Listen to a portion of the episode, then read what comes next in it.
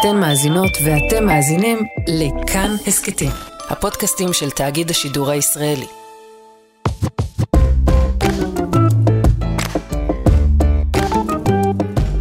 קם צבי לחיים לוהטות ובפנים מכווצות מצער היקיצה. עצבות בת שלוש, ניחוש העצבויות שעוד צפויות לך. במה יכולת להתנחם? המשכתי להדפיס ביד אחת, ליטפתי אותך בשנייה. את לא חושבת עליי. אולי על סוכריה, או על אריה, אולי רכבת? גם אני לא חושבת עלייך. על ינואר קר דלוח שהיה רובץ ביני למסך, לולא נדחקת כאן. עכשיו מתחיל להתנער בך קוצר רוח. גם בי. את מפריעה לי לכתוב את השיר עלייך. הילדה שמפריעה לאימא שלה לכתוב את השיר אודותיה, היא אה, ילדתה של המשוררת טל ניצן, והשיר נקרא אחר צהריים וילדה. אנחנו עם הפודקאסט הקצר אבא תרחם, והיום אנחנו נשוחח על המתח המובנה שכל אם מכירה אותו היטב, ולצערי אבות טיפה פחות, שבין אה, קריירה לגידול ילדים. ואתה, אבא, תצטרך לשמש אה, כשק חבטות ולהדגים את יכולתו המופלאה של הגבר להתהלך בעולם משוחרר מקונפליקטים כאלה. אה, השק הזה מורגל בחבטותיי. אז אולי אני אתחיל עם השאלה שנוגעת קצת לי. לפני שעשית ילדים, היה לך איזשהו חזון איך אתה רוצה לנהל את אה, חיי המשפחה? אה, בכנות, ואולי המשפט הזה, משפט הפתיחה יהיה גס קצת. יאללה. אנשים יתמרמרו עליו. בבקשה. אנחנו לא הולדנו אתכם, אמך ואני, אנחנו המלטנו אתכם. כלומר, אה, אתם הייתם פועל יוצא מיחסי מין ללא שום מחשבה. סדר הדברים היה פחות או יותר כזה, חושקים, שוכבים, נפרדים, שווים זו לזו, מתחתנים, שוכבים, מולידים, מגדלים.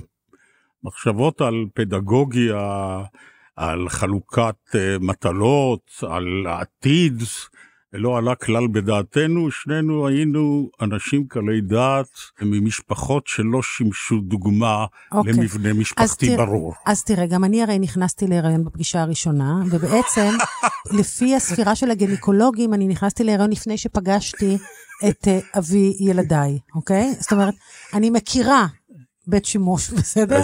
מכירה. אבל, בניגוד אליך, אני לוקחת אחריות על הטעויות שלי. כן, למה בניגוד אליי? במה חטאתי? אז, אה, אז עכשיו אנחנו ניגש לשאלה השנייה ונברר האם חטאת או לא, בסדר? בסדר. אז האם אחרי שנולדו לך ילדים, נתת את דעתך אה, בנוגע לכמה זמן אתה רוצה להיות איתם, כמה זמן אתה חושב שצריך לבלות איתם? אה, האם בחרת למשל את העבודות שלקחת על עצמך בהתאם לשיקולים כאלה? נגיד, אני, חי... אני חייב לראות את הילדים שלי לפחות שני אחר הצהריים. היה דבר כזה? זה נקרא, דרך אגב, לקחת אחריות, הבנת לזה התכוונתי. התשובה הפשוטה היא, ככל שהדבר זכור לי, אה, זה לא היה בראש מעייניי. יכול להיות שהלחצים גרמו לכך שנאלצתי, כי אימא שלך תקופות אה, ארוכות עבדה.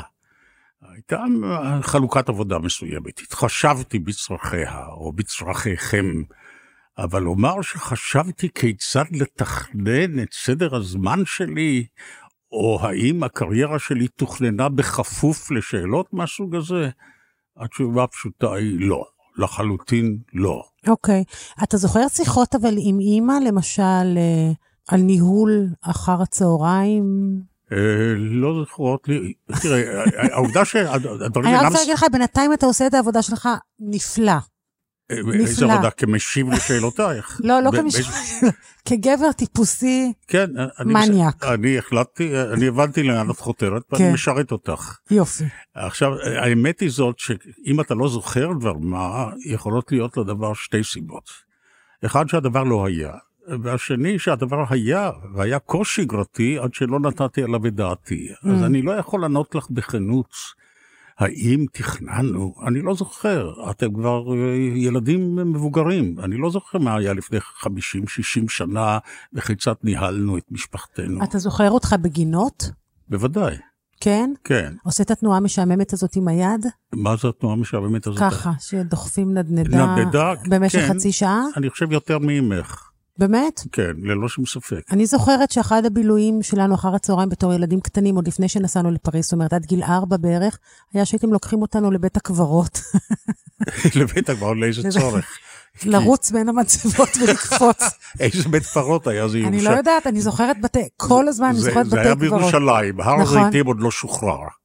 אז איזה בית קברות צריך היה להיות? לא יודעת, תחשוב. בסנהדריה, באיזה מקום? אני לא יודעת. מה? אני זוכרת בית קברות. מלא מלא מלא.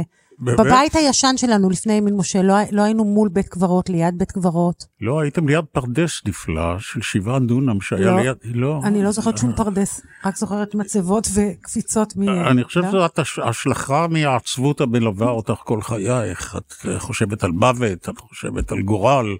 אני חושב שאין לזה שום אולי- קשר ל... אולי הפוך? אולי הפוך. שם נטבע בי הפחד מוות. אוקיי. אתה זוכר איך לקחת על עצמך, למשל, את תפקיד המפרנס? למה זה היה כל כך ברור שזה התפקיד שלך? אני לא לקחתי על עצמי את תפקיד המפרנס, ברור היה שאנשים הולכים לעבודה, אמי עבדה, אבי עבד, אה, שניהם אה, הביאו את פרנסתם בקושי רב. נכון, דווקא אתה בא מדוגמה אחרת. אה, כאילו, איכשהו, את, את, בבית הגידול שלך, היחסים בין המפרנסים למבזבזים היה אחר. אמי הייתה אחראית לכל, זאת האמת. אוקיי. אני, אבי, כפי ששוחחנו על כך בשיחה אחרת, היה עצלן, בטלן וחסר כישורי חיים. אה, חייו היו בתיאטרון ובכסית, בבית, הק... בבית כן. הקפה כסית. אז אני לא, אני לא מהווה דוגמה, אבל ברור לגמרי היה שאני הול- הולך ללמוד בתום השירות הצבאי ולעבוד, אין ברירה אחרת, לא איך, איש לא פרנס אותי. וחיי העבודה שלי היו המשך של... אה, אבל אם הרוב שנותיה, זאת אומרת, נכון שהיא עבדה, אבל היא תמיד עבדה בחצאי משרות כאלה, או בעבודות... אה, היה, היה משהו בלתי מחייב לחלוטין במסלול עבודתה. נכון. היא בחרה בתחומי עיסוק כאלה שהלמו את מזגה, את תענוגותיה. כן. היא עיצבה בובות, היא עיצבה בגדים, היא הייתה בעלת בוטיק. אבל בלתי מחייב זה הצד, הש... אפשר גם להגיד, היה משהו מאוד מחייב בצורה שבה היא החזיקה אם את את הבית. חותרת לשאלה, האם מישהו אה, דאג לחשבון הבנק, זה הייתי אני, כן. אין שום ספק. Mm, אימא שלך דאגה לרוקן את חשבון הבנק. כן. אבל אתה לא, אין לך, אתה לא יכול לתת סימנים איך הדבר הזה יתרחש. לא, לא. לא, אני חושב שזה היה טיפוסי לדורי. בדיוק. אבל כל חבריי, נשותיהם עבדו, נשותיהם למדו באוניברסיטה לא החברות. של אימא. החברות שלי מה פחות, זה היה גיל מעט יותר מבוגר, אמך הייתה מבוגרת ממני אני זוכרת. את אימא ואת החברות שלה בעיקר עם שקיות. אה, זה- הזיכרון שלך, אבל זה לא מדויק. זה לא מדויק, כולם עבדו. Mm, זה לא נכון. נכון שהגברים הם שהיו אחראים לחשבון הבנק, בסופו של דבר. mm. מסע האחריות נפל עליהם. אז אתה יודע, זה נורא מוזר, כי גם, אני, גם אצלי, למרות שאני, אתה יודע, אני, אני מגיל מאוד מאוד צעיר הייתי, אה, אני חושבת, עם תודעה פמיניסטית, ו... לא זו בלבד, את בגיל 15 כבר הלכת לעבודה. נכון. ובכל זאת, אני, אני זוכרת שאחרי שנולדו לי הילדים, ורובנו הענקנו, כי קראנו את עקרון הרצף, שזה איזה ספר נוראי, מטופש, והיה נדמה לנו שאנחנו צריכים לשאת את הגורים על ה... לא יודעת. ומה שקרה זה שאם את קמה בלילה, ואת מתחילה להיות זאתי שמבינה יותר את הילד, את גם זאתי שמחליטים אז שהיא נשארת בבית. אני זוכרת את כל החברות שלי, כולן מוכשרות, וכולן למדו באוניברסיטה, וכולן עם עבודות יותר טובות משלי. בסופו של דבר זה קרה גם להן. ראשית כל, נורא, אני הוא זה שקם מוזר. בלילה. את זה אני זוכר בתכלית הזיכרון. אה, אני הוא זה שקם בלילה. באמת? כן. אמך, אמך התהפכה מצד לצד, היא התקשתה בקימה. אני בדרך כלל הוא זה שקם בלילה. אני מתקשה. אני, אני סותר, אתה לא צעקת עלינו להפסיק לבכות פשוט? כי זה, זה עניין אחר לגמרי. מפני אני- שאני אני אני עבדתי, אני עבדתי בעיקר. בלילות, בגלל מקצוע שלי, אני כן. עבדתי בעיקר בלילות. אתה יודע שיש ילדים שלא ניגשים, הם פשוט מפסיקים לבכות, זה לא הייתה השיטה שלך? תראי, הד- הדרמה של חיי, אה, שקשורה, כרוכה בגילכם הצעיר, כן. הייתה שאתם הפרעתם לי לישון. או, כן, בדיוק. וגם חטפתם בתחת בגלל זה. נכון, נכון, נכון. כי את, אה, את נולדת שנה בערך אחרי אחיך, אה, שוב באותו חוסר תכנון אופייני למשפחתנו, דרך אגב, ו- אתה יודע שאימא ואני, אני לא יודעת אם שמת לב לזה, ילדנו באותם גילאים, אותם מינים ובאותם הפרשים. נכון. אורי, אני? ועידית, זה בדיוק כמו מיכאל, תמרה והללי. אותם נכון. הפרשים, אותם מינים, אותם גילאים גם ילדנו. איך, אתם, איך את מסבירה את זה? גורל או חינוך, עיצוב? לא, משהו שטוב להזכיר אותו בתוכנית, בתוכנית זה הכל. אין לו שום משמעות. שום משמעות, אין לו שום משמעות. כן. אה, אז אה, אה, בעיקר הפרעתם לי לישון. זה החוויה המכרעת של ילדותכם. ילדים שמפריעים לאבא לישון. בצהריים, כי הוא עובד בערב. איך החלטת אה, שאנחנו נוסעים לפריז? אה, לא התמניתי לתפקיד שבו חשקתי ברדיו. הייתי משוכנע שאני צריך להיות מנהל מחלקת ענייני היום ברדיו, ומתברר שהפוליטיקאים, הרדיו היה אז כפוף למשרד ראש הממשלה, חשבו שאני פרחח ואסור להפקיד בידי תפקיד כה חשוב, ומתברר לי, להפתעתי הגמורה, שגם חבריי סברו, חבריי לעבודה, Mm. שהיו כפופים לי במידה מסוימת, אה, חשבו שאני רע מזג ורע מאוד. אולי אני- צעיר או חסר ניסיון? לא, לא, ניסיון היה לי, ואני הייתי בטוח שאני אהיה מוכשר ביותר לתפקיד הזה, ולתימהוני לא הייתה הסכמה מוחלטת בעניין זה. מהמם. ואמרתי שאני מתפטר ברדיו, ואכן התכוונתי לזה, וכדי להשאיר אותי ברדיו, הסכימו לתביעתי לנסוע לשליחות בפריז. עכשיו, לא הייתה לי שום הכשרה לזה. צרפתית לא ידעתי. את העולם לא הכרתי, הייתי אולי בחוץ לארץ פעם אחת בקפריסין קודם לכן, דברים כאלה עשויים היו להיות רק אז, בתקופה שעוד שיטת המכרזים לא הייתה קיימת, ושליחויות מהסוג הזה היו נתונות אמרו לך, במידה... תהיה כתב שלנו בפריז, זאת אומרת, בלי שיש לך את השפה. אני לא יודע שפה, אני לא יודע כלום. כלום. לא יודע על העולם. אוקיי. אבל אמרתי, תוך חודשיים אני אלמד צרפתית.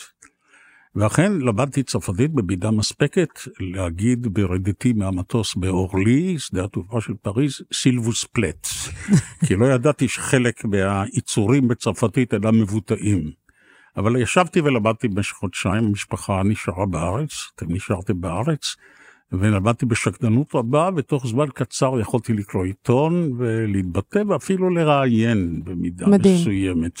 המשפחה חייתה בפריז בערך שלוש וחצי שנים, נכון. או ארבע שנים. זוכרת את זה היטב. אתכם שלחנו כדי להיפטר מכם לאיזה גן ילדים יהודי לפי שיטת מונטסורי, הייתם אומללים נורא, אבל אני לא חשבתי שזו בעיה, כך זה דינם של מהגרים, אתם תלמדו צרפתית. אני לא חושבת שזה היה מונטסורי, כי אני זוכרת שהיכו אותנו על האצבעות של הידיים, במקל.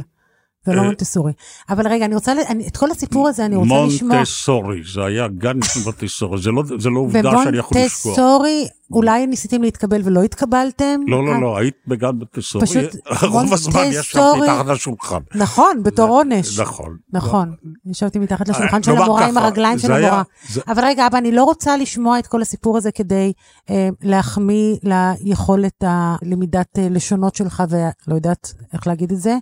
אני, אני רציתי לשאול על נוהל קבלת ההחלטות, ולשאול האם אתה מבין שיש בזה משהו מאוד אה, מצ'ואיסטי. לא, גם במחשבה, אגב, שהיית צריך להתקבל ולא התקבלת, גם במחשבה שאתה יכול להגיד כן לדבר כזה, וגם בדבר הזה שאתה מחליט לעקור את משפחה וילדים קטנים מסביבתם בלי לחשוב על זה שנייה.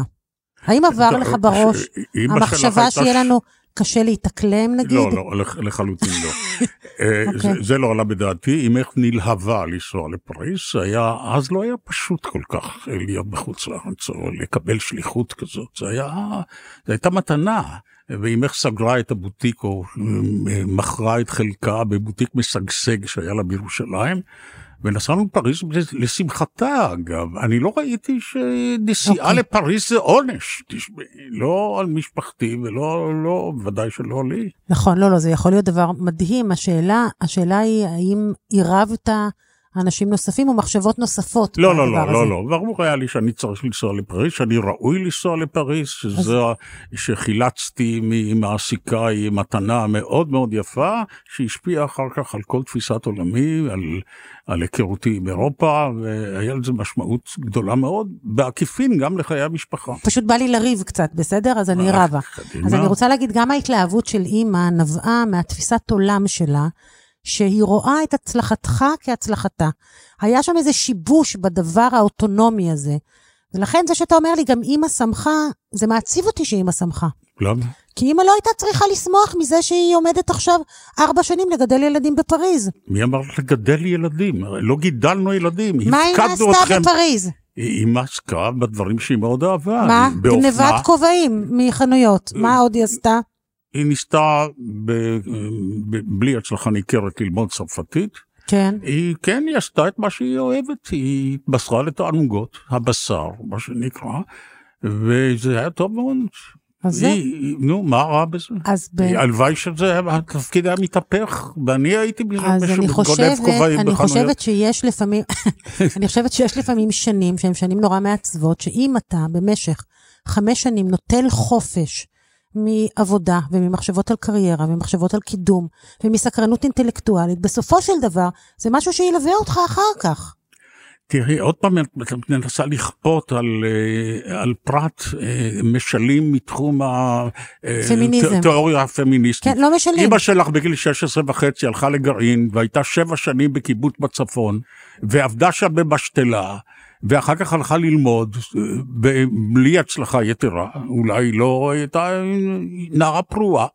ואני זה שנטלתי את האחריות לפרנסת המשפחה, מה אין- פה כל... אבל שום רק- דבר לא נעשה ללא התייעצות אז נעזוב עימה, לא נעזוב- נכפה עליה. אז נעזוב כן. את, נעזוב, כמו שהיה אומר- נעזוב, נעזוב את הסיפור אני האישי מוכרח- שלכם. אז אני מוכרח לומר משהו בסגנונו של ישעיהו ליבוביץ'. בבקשה. אה, הבל!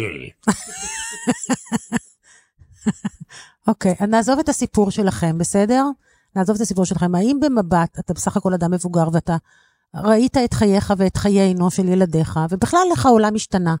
האם אתה מבין יותר את, ה, את המאבק אה, בין המינים? לחלוטין, אני רואה את עצמי כפמיניסט, ואני חושב שאת אה, תעידי, שיש לי שתי בנות ושני בנים, שמילדות, אמרתי לכם, לימדו מקצוע שיפרנס אתכם, לעולם אל תהיו תלויים בבן זוגכם. ועל העלבון הכי קטן, על האלימות הכי מצומצמת במשפחתך או בזוגיותכם, קחי מזוודה ולכי. ואמרתי לכם את זה מגיל מאוד מאוד צעיר. אני לא זוכר אם את, אני לא בטוח שאת זוכרת את זה, אבל אם את לא זוכרת את זה, זה סימן שזה כל כך טבעי בשבילך. ואכן כך שתיכם עושות, שתיכם עשיתם קריירות ואתם משכילות יותר מבעליכם, או לא פחות מהם, ופרנסתכם, לא, עידית אחותך היא עובדת סוציאלית, אחרי שהיא למדה עוד... אני הכי כבשה שחורה, אני אין לי תואר, אני, על מה אתה זה מדבר? לא חשוב, אבל את מפרנסת. לא פחות מאישך. כן, לא פחות מאישך. ואחותך הקטנה עשתה שתי קריירות, פעמיים תארי MA, אף אחד לא הפריע לה, בעלה טבח בה. מה, מה אבל- אתם... מה- אבל את- אנחנו לא מסכימה- משלים מוצלחים, נו, אנחנו לא משלים מוצלחים. אני מסכימה עם ה... אני... סייפה, ככה אומרים אבא? מצוין. את יכולה לומר סעיפה. אבל אני חושבת, אני חושבת שדווקא האמביציה שלי נבעה מתוך התבוננות ב, ה- ביחסים שלך ושל אימא. אז עניין שלך, ממה את צמחת, אבל אה, עובדה לא, לא, היא, לא עובדה היא. שהעניין הצליח. אוקיי, אבל לא מטעמים פמיניסטיים, אלא הפוך, בעיניי קצת הפוכים. את משליכה את, אה, את, אה, אוקיי, בסדר. את ההווה שלך טוב, על אז אברך. לא, אני צמחתי מתוך עברי, אל, אה, בסדר, אל בסדר. עתידי לא, הקטן, ה- המסקנה הסופית היא, והתמונה הסופית, שאתה מושלם. שתי, לא שאני, את, יש לי שתי, אני חוזר על זה, יש לי שני בנות, שתי בנות, זה יפה דווקא, אתה יודע, נכון. שני בנות ושתי בנים, אוקיי? ושתי הבנ... הבנות האלה, שני הבנים, שני הבונים, אני נקודה. מתקשה, אני חושבת שאני מתקשה לשכנע אותך מה ביחסים שלך ושל אימא. נראים לי היום, אה, לא, את לא, מש... את לא מתקשה, מקולקלים. ככה את רואה את הדברים, בסדר גמור. טוב. אני לא יכול לערער על זה. אוקיי. אז רציתי לספ... לדבר איתך על עוד משהו שאני זוכרת מאוד מילדות. מכיוון שהיית אב מאוד עסוק ומאוד לא נוכח, בכל זאת מדי פעם היו לך מופעים שבהם כנראה הרגשת מספיק אשם שלא היית איתנו, ואז היית עושה איתנו דברים מטורפים. לא חשתי מעולם רגש אשמה. לא, בוודאי לא בעניינים כאלה. אני חושבת שחשת, אתה פשוט לא, לא יודע שחשת. אבא, אתה לא יודע הרבה. אני- אתה- מתעב את הפסיכולוגיזם הזה, את לא יודעת, את מוציאה אותי מדעתי. כן? חשת אשמה. את- את- כן, את- חשת אשמה. את מהפקולטה למגדר, או איפה שאת לא מתחננת, מסתובבת שם בפקולטה, זה, אוקיי. את מנסה להשליך, לשנות את ההיסטוריה. אז, למה. מה היית- הייתה המוטיבציה, למשל, יום אחד להודיע לנו שאנחנו נוסעים לחוף של רפי נלסון לארבעה ימים. לקחת את האוטו, שמת אותנו, הכל היה כזה הרפתקני בצורה מטורפת, ונסענו לאילת לחוף של רפי נלסון, ובילינו שם... באילת, את מתכוונת. באילת, כן. וזה היה טוב? מה, רצית לבלות איתנו? אני מניח שכן. מוזר. אתה זוכר את הכריכים שהכנת לנו בבוקר בבית הספר? אני לא זוכר, אבל כמה פעמים את כבר הזכרת לי את זה, כנראה את רואה בזה מעשה יוצא דופן. נכון, מאוד. אה, נו, ת- מאוד. תסבירי אני. זוכרת שהיית קם מוקדם, מכין לנו כריכים, דרך אגב, כריכים שמתחילים בצד אחד מאוד גבוה, מאוד עבים, ונגמרים כמו נייר פרגמנט, הם תמיד היו יותר במבט צד כמו משולש, הם התחילו, התחילו, פת, מצד אחד של הסנדוויץ' אי אפשר היה לפתוח את הפה כדי לקחת ביס, מהצד השני הם היו, כך לא משנה, כך אייל שני אותן. רצה. כן, נכון, חניך של אייל שני. ואז היית לוקח אותנו אה, לבית ספר גם.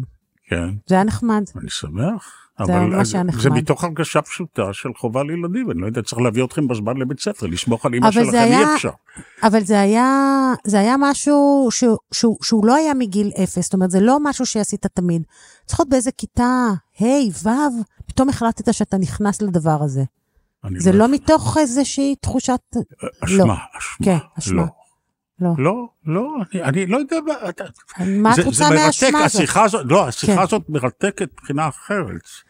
כן, מבחינת מבט כן. חיצוני, אני מנסה להביט עכשיו בעין שלישית, כן, אני רואה איך צד אחד מנסה לספר את סיפור חייו, כופה את העובדות, לא, כן, כופה את העובדות על סיפור חייו.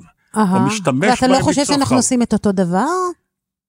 אני מנסה לדווח על העובדות כפי שהן. את שואלת אותי האם אני לא, אתה גם נותן פעלתי להם מתוך... פרשנות, אתה גם נותן להם פרשנות. אבל לא מה להיתמם. הפרשנות? את שואלת אותי האם מתוך רגש אשמה לא, אז הכנתי בסדר, זה סנדוויצ'ים. בסדר, אוקיי. ואני אומר לך שלא שלא. הכנתי סנדוויצ'ים מתוך רגשי אשמה. אוקיי. מה אני אעשה? בסדר. הכנתי סנדוויצ'ים כי אבא צריך להכין סנדוויצ'ים לילדיו אז- ולהביא אותם לבית ספר, מה אוקיי. קרה? הייתה מכונית אחת וצריך להביא אתכם לבית ספר, כי אחרת לא תגיעו לבית ספר. רגש אשמה. למה? היה אוטובוסים, נסעתי כבר בגיל 6 באוטובוסים. לא, זה היה כאילו כמו פתאום שהורים נותנים אה, גט טקסי לילדים. זה לא היה משהו, היה צריך להביא אותנו לבית ספר. לפני זה נסענו באוטובוס, הלכנו ברגל. פתאום יום אחד, בגיל התחלת שש לא לקחת נסעת. נו, אה, בוודאי שנסעתי. אבא, בכיתה א' נסעתי לתל ברוך טוב, באוטובוס. פתאום החלטת שאתה רוצה לפנק אותנו. זה מה שהיה יפה. זה יפה? מאוד. נו, מה את רוצה? אז אתה מוכן? מה? אז לא אני רק אומרת ש- אשמה. מה? אלא סתם מתוך, אה, מתוך לא, לא, רצון לא. להקל. זה היה פינוק, זה מה שהיה יפה בזה, שזה היה פתאום פינוק. יפה מאוד, נו. אוקיי, אז יפה, מה, אני- איך זה מסתדר עם עם התזות טוב. הפמיניסטיות שלך? כי בעיניי הרצון הזה פתאום לפצות קשור אולי לתחושת, בסדר, לא צריך, אז אל תרגיש אשם. אז אני, אולי אני אסיים תודה. בסיפור הבאמת אה, מצחיק, אוקיי? שכל כך רצית לבלות איתנו ולקחת אותנו לבית ספר. אתה זוכר את התקופה שהיה לך אופנוע? כן, ודאי. אוקיי. ואני לא יודעת למה, אה, אם זה הייתי רק אני שהיית לוקח אותי לבית ספר, אז היינו נוסעים על האופנוע, ואם היית עושה סיבוב לשלושתנו, כי לא כולנו התחלנו באותה שעה, אז היית לוקח אותנו ברכב. והיה בוקר אחד שהכנת לי לנו את הסנדוויץ' המשולש המעוות הזה, כן. ואמרת, ואמרת לי, בואי ניקח אותך על האופנוע, בסדר? ושמחתי, גם זה נורא כיף לנסוע עם אבא על אופנוע. וכבר התנעת את האופנוע מבחוץ, ולא הספקתי לעלות על האופנוע ונסעת. כן. נס... לקחת אותי לבית ספר, אבל אני רק לא הייתי שם. עכשיו, זה נורא נורא יפה, כי בדרך כלל אנשים די ערים לזה שהם לוקחים מישהו שאיננו. זאת אומרת, לוקח להם, אני יודעת, נגיד שנייה או שתיים להבין שלא יושב מאחוריהם אף אחד. אבל לך זה לקח, הגעת לבית ספר, ורק כשהורדת אותי, רק כשאמרת לי, רדי, שמת לב שאני לא שם. בבקשה, תמשיך משם, מה קרה? אני אני לא אתה זוכר? יודע, אני- אני חושב שאני חששתי שנשמטת במהלך הנסיעה, נכון. כן? ועכשיו את כמו איזה חתול דרוס שוכבת. על הכביש. ונסעת חזרה מבוהל. ונסעתי בבהלה. נכון. ומצאתי אותך מחכה ליד הבית. שיקחו אותי, נכון. כן, מה זה אומר בעצם? אז אני אגיד לך, היית, לדעתי היית מרוכז במעשה הטוב שאתה צריך לעשות, כן? אבל העניין של לשהות איתנו פחות עניין אותך, כי עובדה שלא שמת לב שאני ישנה או איננה. היית מרוכז במחשבות, בטח על את מי לראיין. מה חשבת בזמן שנסעת לאופנוע כשאני איננה? בן אדם לא נוסע עשר דקות על אופנוע בלי להרגיש שאין מאחוריו אף אחד. חשבתי שזה מרד הגבר נגד אכיפת הפמיניזם.